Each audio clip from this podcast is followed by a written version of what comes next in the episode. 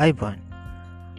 මැයි මාසේ විසි පස්වනිද මිනිියපොලිස් නගරයේදී සිද්ධ වෙච්ච ඝාතනයක් එක් කියන්නේ ජෝජ් ෆ්ලොයිඩ් කියන කළු ජාතික ඇමරිකානුවා පොලිස් අතඩංගුට පත්වීමේ දිසිද්ධ වෙච්ච මරණයක්ත් එක්ක ඇමරිකාවේ පහුගේ දවස් කිහිපය තුළ බෝම දරුණු උද්ඝෝෂණ ඇති වෙලා තියෙන දැන් මේ මේ උද්ඝෝෂණ අපි දන්නවා මේ දවල මන්දිර ආසන්නයටත් ඇවිල්ලා ඉතාමත්ම දරුණු අතට හැරිලා තියෙනවා. ඊට අමතරව සමහරණ කරවල කොල්ල කෑම් සිද්ධ වෙලා තියෙනවා.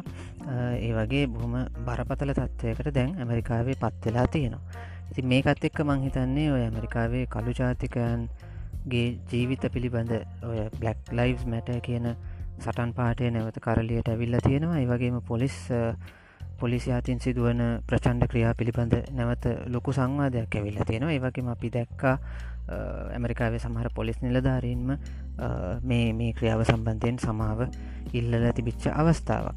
ඉතිං මේ සමහර වෙලාවට මේ වගේ දෙවල් දකිනකොට කෙනෙක්ට හිතෙනවා ඇමරිකාව ඇමරිකාවේ සමාජ සමාජය කඩාගෙන වැටෙනවද? ඇමරිකාව කඩාගෙන වැටනවද කියන එක සමහරය අපි දැක්කා.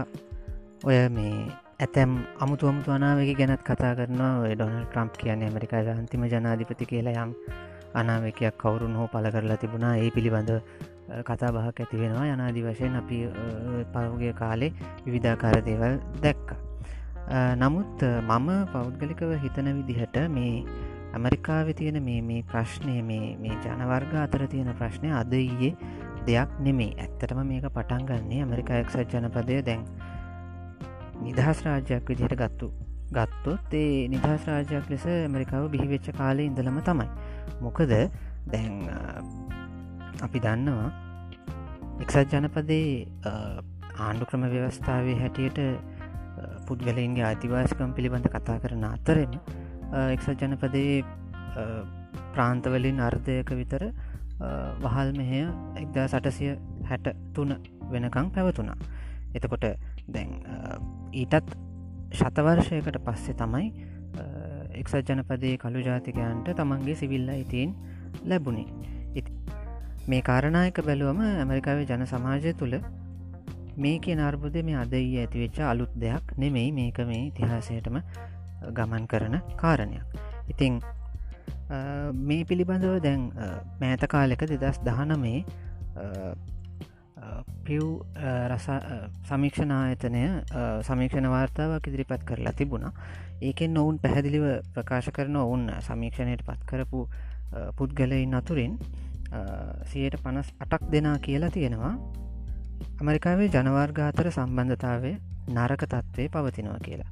මේ දෙදස් දහනමේ මේ මේ මෑතකදී ඇතිවෙච්ච උද්ඝෝෂණ රැල්ලට අවුරුද්ධකට කලින්. ඒවගේම තමයි මේ මේ තත්ත්වය තවත් නරකාතට හැරෙනවා කියලා සියයට පනස් තුනක් ප්‍රකාශ කරලා තියෙනවා. දැන් අර කලින් කියපු ජනවර්ග අතර සම්බන්ධතාව නරකයි කියලා ප්‍රකාශ කරන අය ජනවර්ග වශයෙන් බැලුවම මේ සුදු ජාතිකයන් සමීක්ෂණයට සහභාගි වෙච්ච සුදු ජාතිකයන් සයට පනස් හයකුත් කළු ජාතිකයන් සයට හැත්ත එකකුත් හිස්පැනික් ජාතිකයන් සයට හැටකුත් වශයෙන් සමීක්ෂණයට සම්බන්ධච්ච සමස්ත ප්‍රමාණය සයට පනස් අටක්. මේ විදිහට මේ එකන මේ හැම ජනවර්ගේම සමාන ප්‍රමාණයන් මේ සමීක්ෂණයට සම්බන්ධ කරලා තියෙන මහිතන ජනවර්ග අනුපාතයට ආසන වශයෙන් සමාන වෙන විදිහට තමයි මේ මේ සමීක්ෂණය දිය තෝරගෙන තියෙන්නේ. තිය අනුව සමස්තයක් විදිරගත්තම සයට පනස් අටක් දෙනා කියලා තියෙනවා. මේ ජනවර්ග අතර තියෙන සම්බන්ධතාවේ බොහම නරක තත්වයක තියෙනවා කියලා. ඒවගේ මේක නරකාතට හැරමින් පවතින තවදුරටත් නරකාතර හැරමින් පවතිනවා කියලා සියයට පනස් තුනක් ප්‍රකාශ කරලා තියෙනවා. ඒවගේම ජනාධිපති ට්‍රම්ප් බලයට පත්වනාට පස්සේ මේ තත්ත්වය තවත් භයානක වුණා කියලා සයට පනස් හයක් කියා සිටිනවා. ඒ අතර සුදු ජාතිකයන් සයට හතලිස් නමයක් කළු ජාතිකයන් සයට හැත්ත තුනක් හිස්පැනික්වරු සයට හැට නමයක් සහ ආසියාතික ජාතිකයන් සයට හැට පහක් විදිහට ඒවගේම මේ පොලිසිය සහ අධිකරන පද්ධතිය පරාධ අධිකරන පද්ධතිය විශේෂයෙන්ම මේ කළු ජාතිකයන්ට වඩා අසාධාරණ විදිහට සාපේක්ෂව අසාධාරණ විදියට සලකනවාය කියලස් සමීක්ෂණයට සම්බන්ධ වෙච්ච තුනෙන් දෙකක් දෙනා ප්‍රකාශ කරලා තියෙනවා. මේක අනික් පැත්තකුත් තියෙනවා. මේ හුඟක් වෙලාවට ඔය ප්‍රචන්්ඩ ක්‍රියාවලට වැඩිපුර සම්බන්ධ වෙන්නෙත් විශේෂයෙන්ම නාගරිකව ගත්තම කළු ජාතික කණ්ඩායම්. ඉතින් එහෙම ගැටලුවකුත් මෙතන තියෙනවා. නමුතිති ඔය ඔක්කොම මං හිතන්නේ අර කාලයක් තිස්සේ තියෙන වෙනස්කම් හේතුවෙන් ඇතිවෙච්ච දෙයක්. ඉතින් මේ මේ සම්බන්ධයෙන් විසඳුමක් හොයා ගන්න වනම් මේ සියලු ප්‍රශ්න වලට උත්තරයක් හොයාගන්න ක්‍රමයක් ඇමරිකාව හොයාගන්නට ඕනේ. නමුත් ඉතිං ඇමරිකාව ධනාත්මක තත්වන්ද ධනාත්මක තත්වයන්ද නැත්තේ නෑ. දෙදා සටේදී අපි දන්නවා කළු ජාතික ජනාධිපතිවරය ඇමරිකානුව නිසින් පත් කරගත්තා. හැබැයි එතනත් අපිට වැඩි දෙනෙක්ට එච්චරම පෙනෙන්නේ නැති කාරණයක් තිය. මොකද ඔය කළු ජාතික ජනාධිපතිවරයකු ඇමරිකාවේ බලයට පත්වීම පිළිබඳව සුදුජාතික ස්වෝත්තමවාදීනය තරම කැමැත්තක් දැක්වූයේ නැහැ.